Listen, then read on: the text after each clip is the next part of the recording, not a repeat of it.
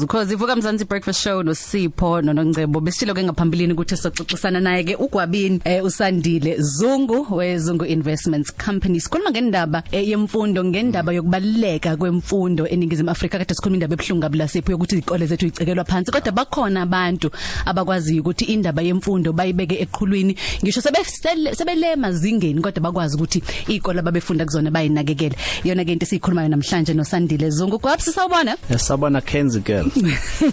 Oh kenze ke. Baphuma indaba ya kenze ke. Sanibonani ngiyajabula ukuthi nibe namakhosini siyabonga nakwe eh, Shandu kaNdaba Baba. Eh Sandile ab abantu abaningi bakubona usule emaphepheni usule emabhukwini usho izinto ezijulile ukhuluma into ezibalekile ngezomnotho ngezepolitiki njalo njalo.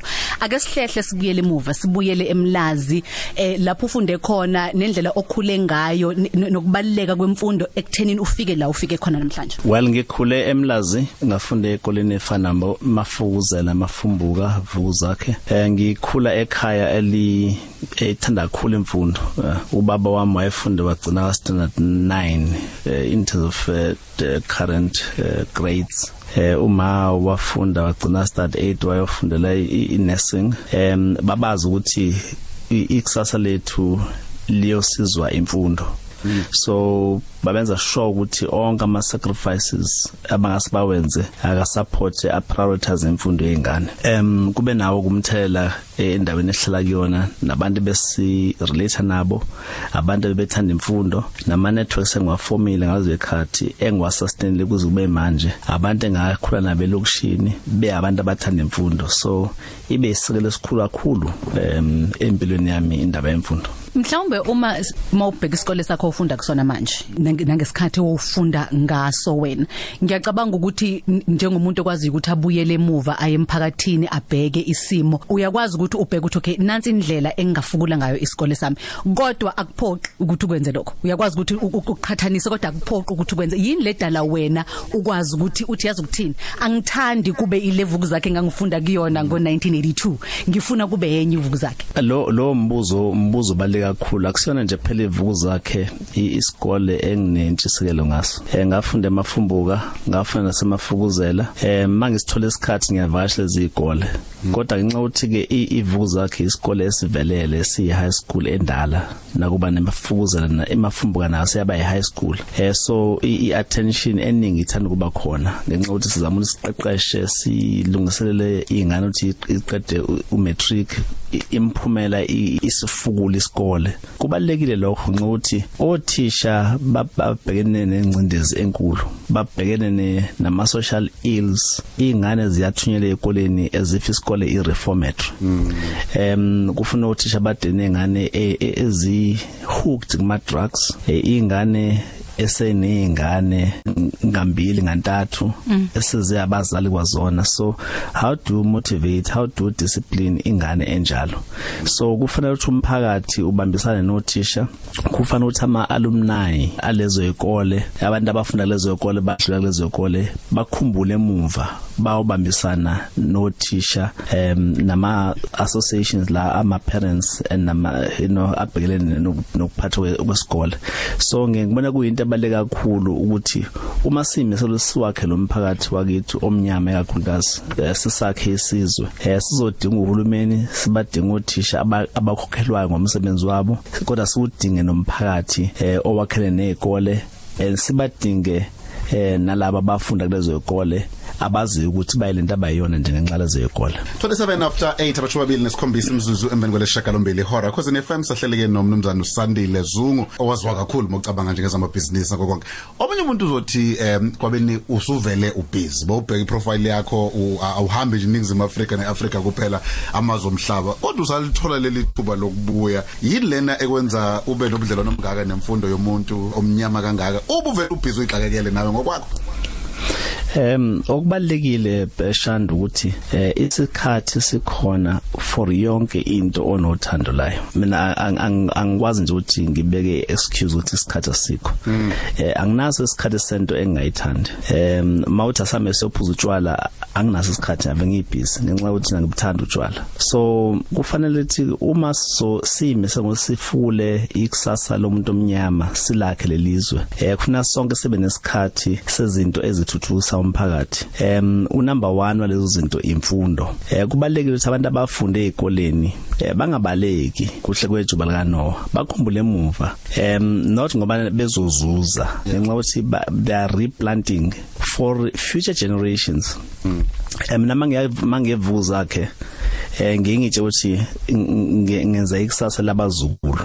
yeah ngenxa ukuthi abazukulu bayophila em, emphakathini onezingane okufuneka zibe zifundile. Uma kungenjalo ba abe bezoba nenkinga ekutheni lo mnotho engiwakhayo nalengcebe engibakhela yona bayi enjoy ngenxa yokuthi kube kunobupha around bona. Siphinde sikukhulume sendabeni ngamanqaphanqapha manje. Ngiyafuna sibhekelene nyathi sibuke sinye isikole nje ekusanda kuba sematheni eh Gauteng umhlonishwa uPanyaza Lesuf bekade sivula ngomhla ka9 and kuphela ngasikhathi singakanani uthola isicekelwe phansi santshontshwa onke ama laptop nama Tablet. tablets bekade khona. So ke sikubheke lokho masibuya ngala. Kwamanje sendabeni ngamanqaphanqapha imfundo yakho imfundo yakho. Ilungelo lakho. Trenda ngemfundo yakho, trenda ngodistinction bakho. Khosi FM hamba phambili.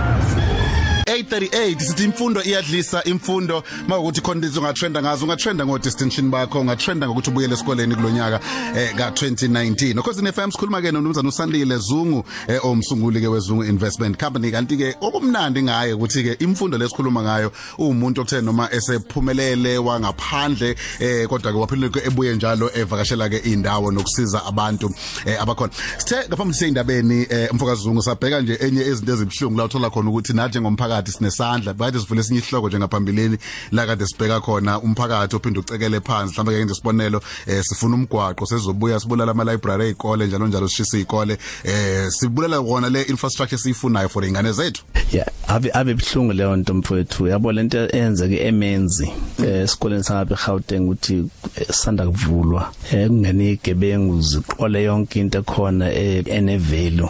Eh manje okubhlungu ukuthi somewhere kwi community khona umuntu owaziyo ukuthi ubani lenze lento. Em not only ukuthi khona umuntu owaziyo khona owaze bese ayihlela leyo nto. Yeah. Em ukuthi izokwenziwa kwabheka eceleni or alternatively kwaba assister.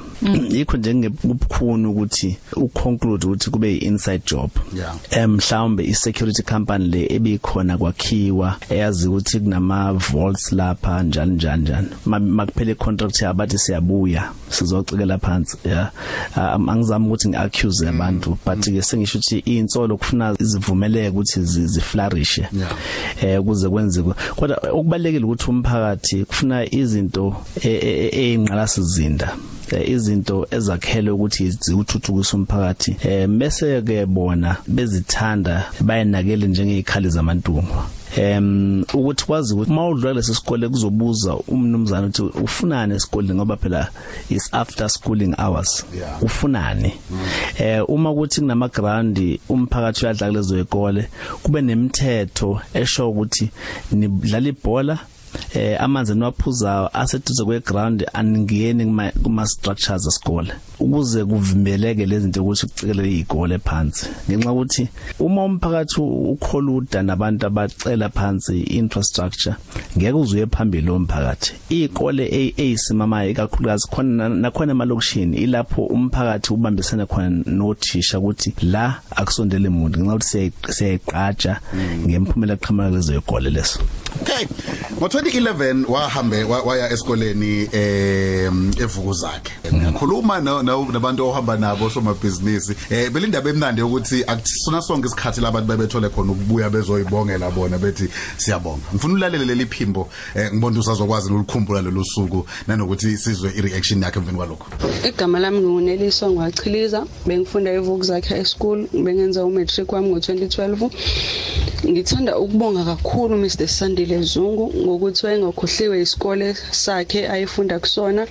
Ngingasho ukuthi ukuvakasha kwakhe njalo khona evuku zakhe kwayishintsha impilo yami kakhulu ngoba ngikhumbula kwaku 2011 efikile esikoleni.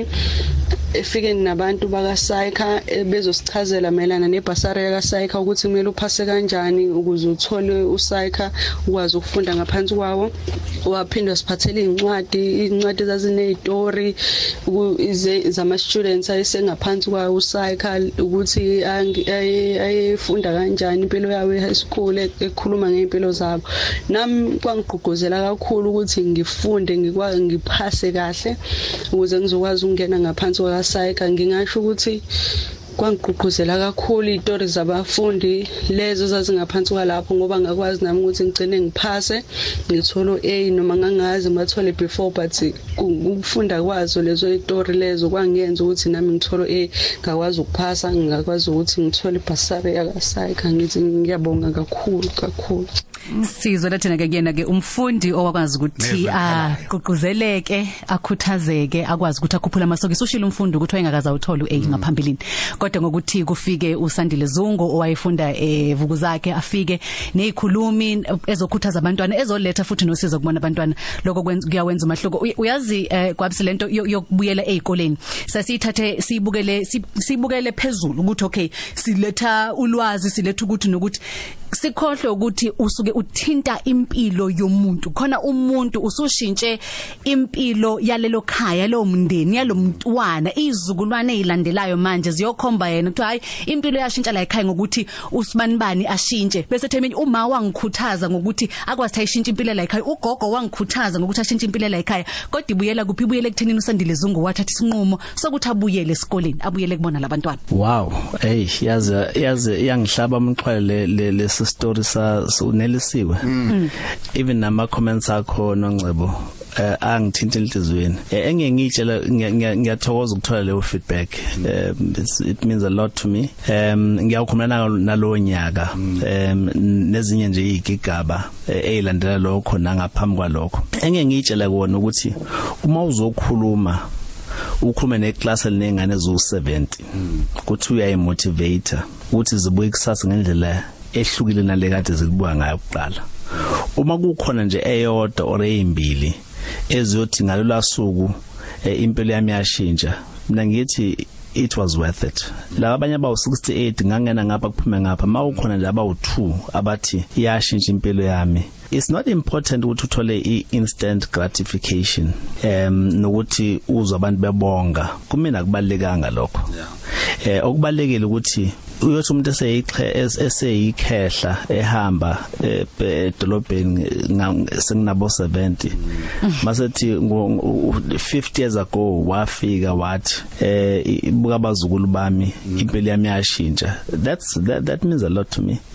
Eh because nathi si si siyama product abantu bekhuluma besithinta sometimes not directly bengakhulumi nathi bekhuluma nathi sisesixukwini kodwa amazwi abo athole umhlabathi ovundileyo la enqondweni zethu. Em kube ukuthi ke that's a defining moment. It's an inflection point in our lives. Le feedback iyangiqinisekisa ukuthi lokho esihlale sikwenza ukuthi siyovashela ezikoleni esafunda kuzona it's not in vain.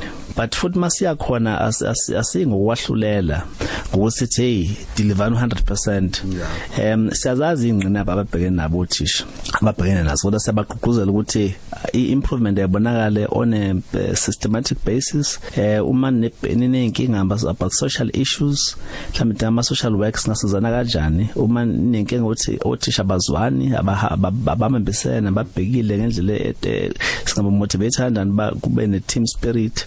Eh so i-intervention yethu ayi asikona nje ukuthi soma phambi kwengane sithi sibuke nje sesingcono sadlula la nasa hlakulela i-desk leli. Eh that's not the narrative. I narrative so sebenza nomphakathi abafundi nothisha. Uh, even if we do it uh, quietly behind the scenes eh silayeza direct ngisho omkhulu. Kubalekile lokho eh kodwa okubalekile ukuthi sibe consistent sithi stay in touch. Mina nje ivuku zakhe ngaqala ukuxhumana naye mhlambe 5 years ngiphumile khona. Ngaqeda umatric ngo1983 by 1988 eh ngase ngumuntu ovasha yavukuza kusekhona uthisha u- u- ukubheka. Nothisha u- u- u- u- u- unzimande kabo kam uba- walanda emva kwakhe man nawe sengikhohlwa kama Kuze kube Umti- umtimande umtimande and nomyesifulele eh, I've maintained good relationships with all of them. And ngingacwa ngingacwasi ngakhethi usakhuluma Eh, ngayo nas- usakhuluma ngayo fulele simtholile ungazi wena. Asizithini Sakazi abaleli bokhozi ngiyabingelela. Ngingumisifulela oprincipal waseVukuzakhe High School eMlazi ngibonga ithuba engiphiwa lona lokukhuluma futhi ngibonge kumnumzane Sandile Zungu. Ngezinto ezinhle azenzele isikole sethu kusuka ngo2003 lapho ayivakashele isikole sakhe nomlamuli Buthelezi owayefunda eVukuzakhe bezogqugquzela abafundi futhi belethe izipho lapho basishiyela khona u50000 owathenga ifurniture yothisha no piano olusetshenziswa kwa music ngo2004 usandile wasenza saba isikole sokuqala eMlaza uhanjelwa iz- izikhulumi ezinjengotito Mboweni Ola Russell Lopsha wase-JSE Wendy Lohabe oyi-businesswoman ngisho no-Oppenheimer uqobo bezogqugquzela abafundi kwi-lecture series eyayibizwa ngokuthi i-tribute to Dr. Isaac Bheka lecture series okwakungeyokubungaza uprincipal uBheka ngegalelo lakhe ezimpilweni zabafundi bakhe